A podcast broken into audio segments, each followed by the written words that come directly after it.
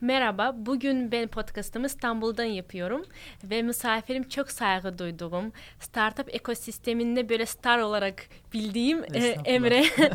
e, çok e, teşekkür ederim e, podcastıma Hoş geldiğin için. İstanbul'a. Çok teşekkürler. Gerçi geçen hafta Bakü'de görüştük. Bu Evet. hafta İstanbul'da görüştük. Evet süper. Nasılsın? Ee, iyiyim, teşekkür ederim. Sen kendini takdim etsene. Ee, tabii ki. Ee, ben Emre Yıldız. Ee, 80 doğumluyum. Ee, kendim bildiğim bileli girişimciyim.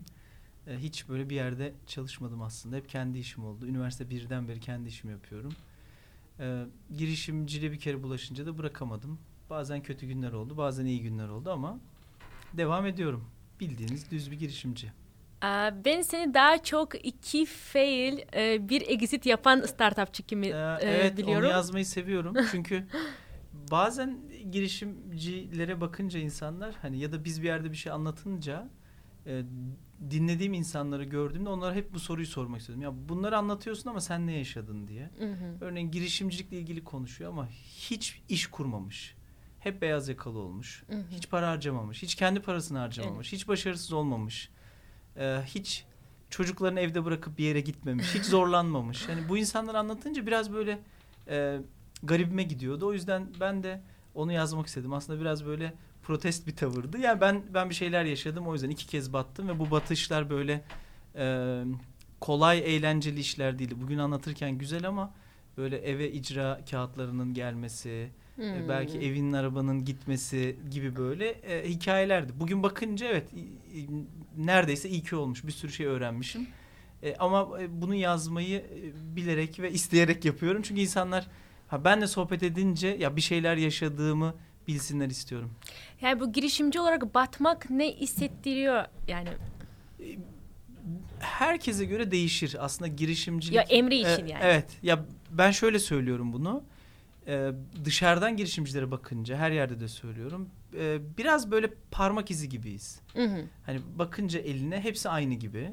Değil mi? Ama kendi elindekiler bile farklı. Dolayısıyla senin girişimcilik yolculuğunda benimkisi birbirinden çok farklı. Evet. Dışarıdan bakınca ikimize de girişimci diyorlar. Ama işte bu herkesin fail'ı, herkesin batışı, herkese özel olduğunu düşünüyorum. Benim için e, o dönemde birazcık böyle cahil cüretim vardı. Yani bir şeyleri yapabilmeye inancım çok fazlaydı. Belki bilgi eksikliğiydi, belki tecrübe eksikliğiydi ama e, böyle soğuk duş gibiydi. Sen kaç yaşında e, Ben- başladın? Üniversite 1 2008'den beri. Hı hı. Mentorların var mıydı?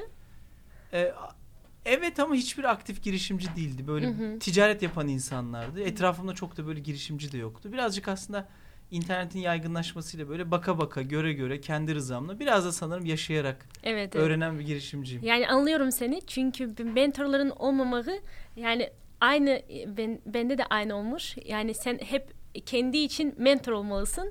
Hem Evet, e, deneme yanılma evet. yapmak zorundasın. Doğru. Be- belki biraz bu zor işte. Yani en zoru neydi dersen batıştan sonra tekrar başlamak. Ya bu bu çok zor. Bir de ben battığımda evliydim. hı hı. Ee, birine karşı da sorumluluğum vardı. Evet, yani evet, işte eşim sağ olsun. Aslında bu yolculukta en büyük şey de birazcık oradan destek olarak. Aile On- desteği. 11 yıldır evliyim. Ee, 21. yılımız yani benim ilk, ilk kız arkadaşım. Dolayısıyla tüm bu yolculuğu bildiği için de aslında o hatalarda e, evde birinin senin arkanda durması, sana inanması tekrar başlama cesareti veriyor. Bugünkü bilgi setim olsaydı eğer batsaydım tekrar başlamam bence çok zor olurdu. Birazcık o günün de e, az bilmenin verdiği bir cesarette oluyor ama en zor nokta bence battıktan sonra tekrar başlamak. Yani para filan değil konu orada. Tekrar başlayabilecek cesareti, cüreti bulabilmek. Şimdi gençler için daha kolay. E, Mentorlar var. Mesela yani e, görüyorum ki yani ben de çalıştığımda gençlerle görüyorum ki onların yani durumları daha iyiymiş. E, daha çok programlar var. e, daha çok mentorlar var yardım edecek. Hı hı. E, Bence e, bu hem iyi hem kötü görece. Çünkü çok fazla imkan var.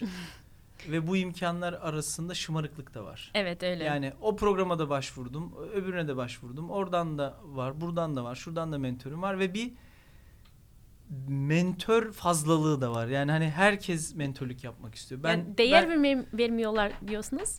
ya ya o, ben diyemem onu bilmiyorum. Ya ben mentörlük yapmıyorum. Aa, hani okey. ben bir, bir girişimci hatta sohbet ettiğinde hani benimki bana özel diyorum. Benim anlattığım benim yolculuğum. Ya kimse şu an bu internet hızında, bu bilginin çokluğunda birinin birisine e, bir konuyla ilgili fikir vermesi, yol göstermesi bana zor geliyor. Ya girişimci istediği herhangi bir bilgiyi internetten ulaşabilir. Eğer bir şeyler yaşamışsa insanlar, Hı hı. yani benim mentörüm, benim geçtiğim yoldan geçip ilerlemişse ben ondan bir şey dinleyip öğrenebilirim. Ama o daha hiç şirket kurmadıysa, hiç fatura kesmediyse, hiç çek görmediyse, hiç sigortalı çalışanı olmadıysa, hani hiç yatırımcıya sunum yapmadıysa bana nasıl mentörlük yapacak diyorum. Dolayısıyla ben de sohbet ettiğim girişimci bunu anlatıyorum. Diyorum ki bak benim geçtiğim yolculuk bu. Yani ben bunları bunları bunları yaptım. Bunların içinde dinlemek istediğin bir kısım varsa İstiyor musun beni? evet a- anlatabilirim ama onun dışında sana hani neyi anlatabilirim ki ben şu an 15 milyon dolar değerlemede 2,5 milyon dolar raise eden bir startup'ım var. Hı İşte hı. yaklaşık 30 kişi çalışıyor. Bu benim dördüncü işim diyorum. Oktopus diyorsun. Evet. Şimdi oraya kadar olan yolculuğu biliyorum ben ama onun sonrasını ben de bilmiyorum. O yüzden daha büyük bir şeyi anlatmam zor olur ona. Emre, Emre e, bu Oktopus hakkında daha detaylı konuşabilir misin? Tabii olur. Hızlıca bahsedeyim. E, Octopus aslında e, önceliği perakende dünyası içinde. Hı hı. E, bildiğin gibi online hayatta müşteriler çok iyi track edilebiliyor. Yani biz Hı hı. aramızda hiç tenis ayakkabısı konuşmadıysak sen bana tenis ayakkabısı arıyorum İstanbul'da desen sonra Aha. Instagram'a girsen tenis ayakkabısı reklamı görüyorsun. Öyle. Ya da bir haber sitesine girsen hemen yanında sana bir tenis ayakkabısı reklamı geliyor. Bunu hepimiz biliyoruz ama sen bir AVM'ye girdiğinde Aha. ya da metrodan indiğinde senin ne aradığını kimse bilmiyor. E, Octopus'a biz O2O diyoruz. Online to offline. Online hayatta müşteriyi track etme ve satışa döndürme kabiliyetini maksimum düzeyde offline hayata getiriyoruz. AVM içindeki ekranların e, video analitikle, Wi-Fi analitikle, Bluetooth'la etrafındaki insanlardan haberdar olup e, örneğin bir tane case anlatayım. Bir AVM'ye girdiniz, ekrana baktınız. Bu ekran sizin yaşınızı, cinsiyetinizi algılıyor ve size saniyenin onda üçünde best price, best offer'ı gösteriyor. Bu işi yapmaya çalışıyoruz. İşte burada hem bir reklam modülü var Octopus Ads diye. Hı hı. Ee, bazı yayınlardan sonra beni böyle çok internet eleştiren arkadaşlarım da vardı.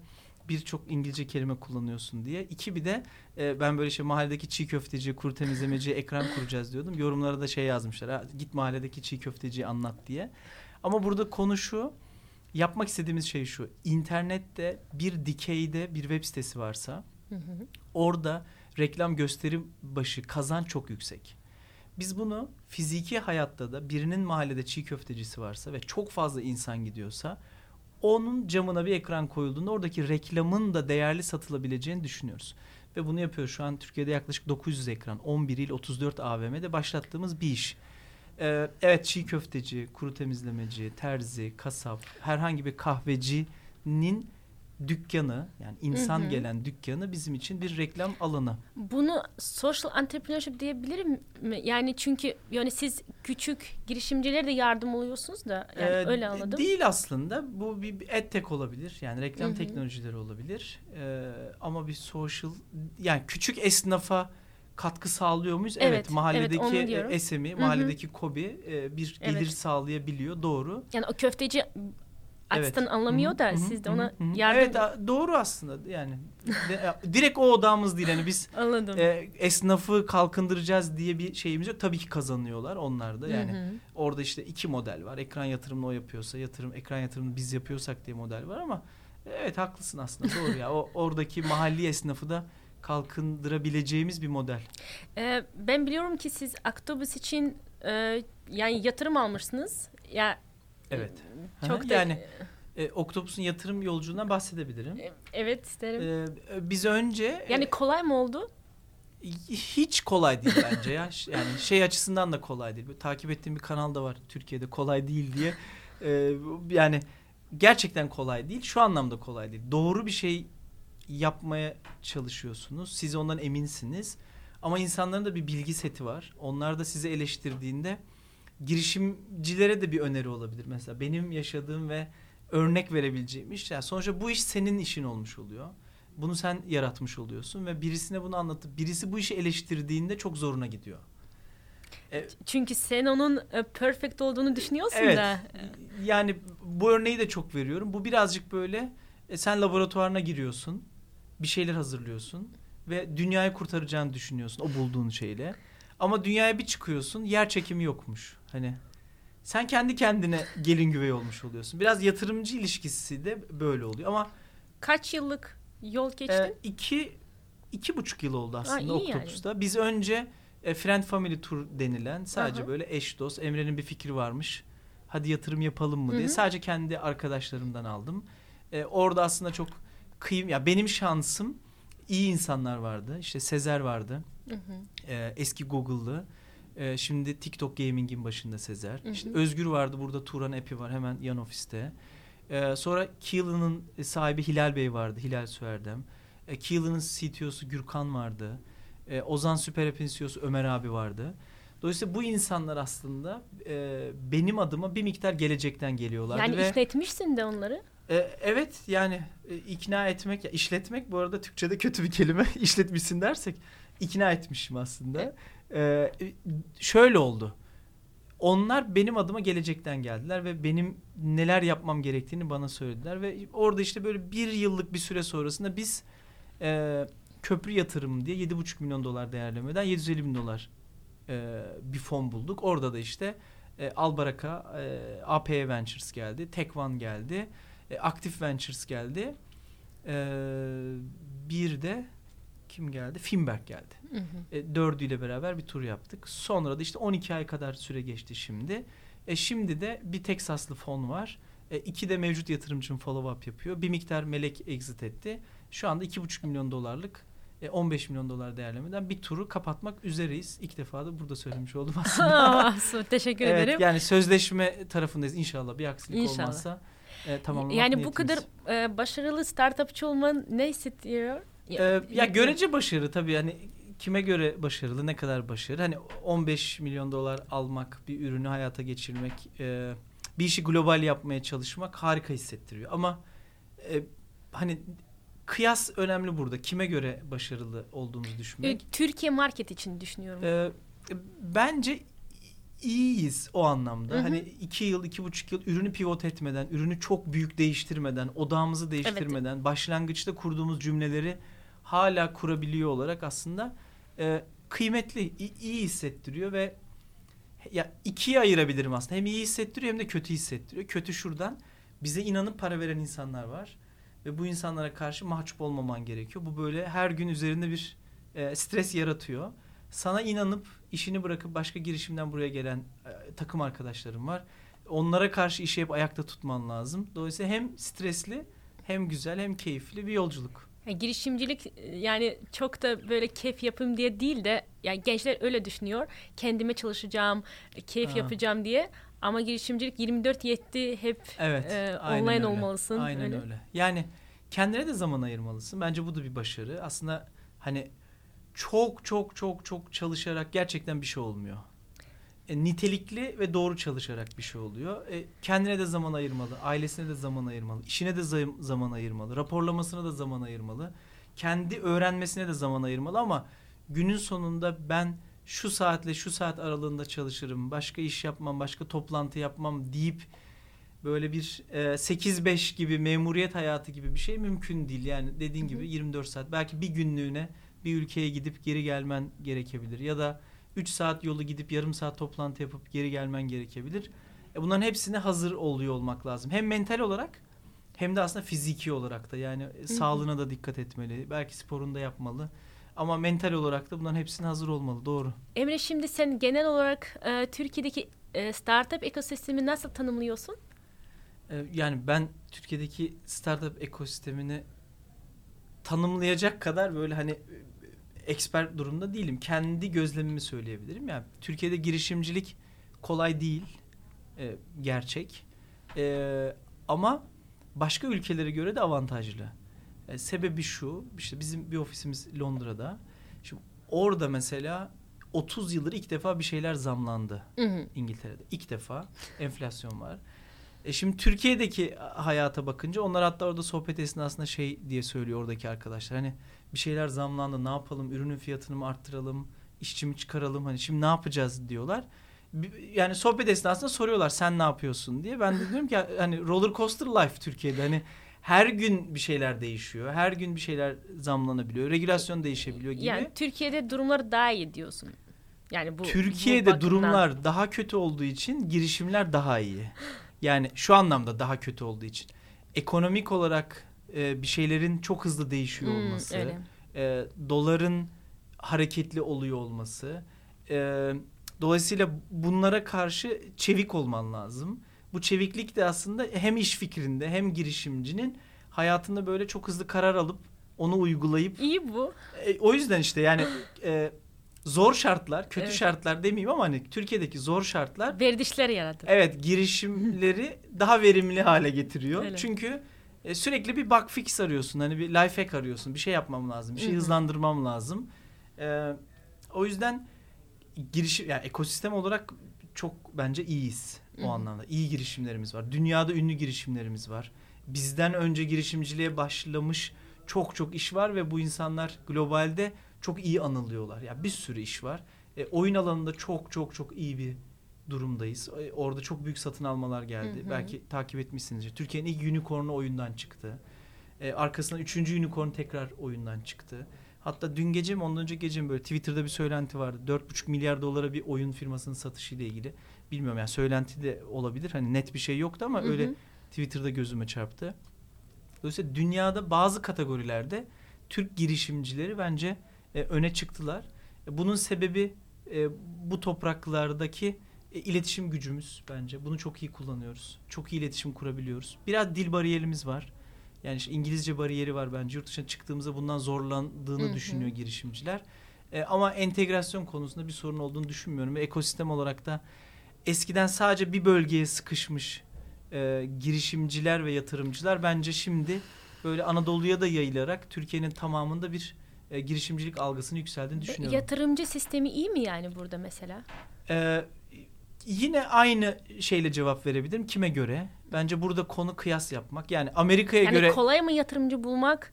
İşte bunu- ya programa Aynen. başvurması. şöyle kıyas nasıl? şöyle kıyaslayabiliriz diyorum ya. Bir kıyas yapmak lazım. Amerika'ya göre kötü, az daha Ya doğrusu. ben- Kötü demeyelim.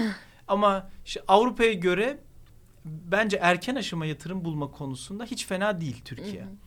Ama erken aşamadan sonraki yerlere geldiğimizde işte Series A dedikleri, Seri A, Seri. B'ye geldiğinde ticket size'lar büyüdüğünde, yatırım ölçekleri büyüdüğünde bulmak zor. Gidebileceğiniz birkaç yer var sadece.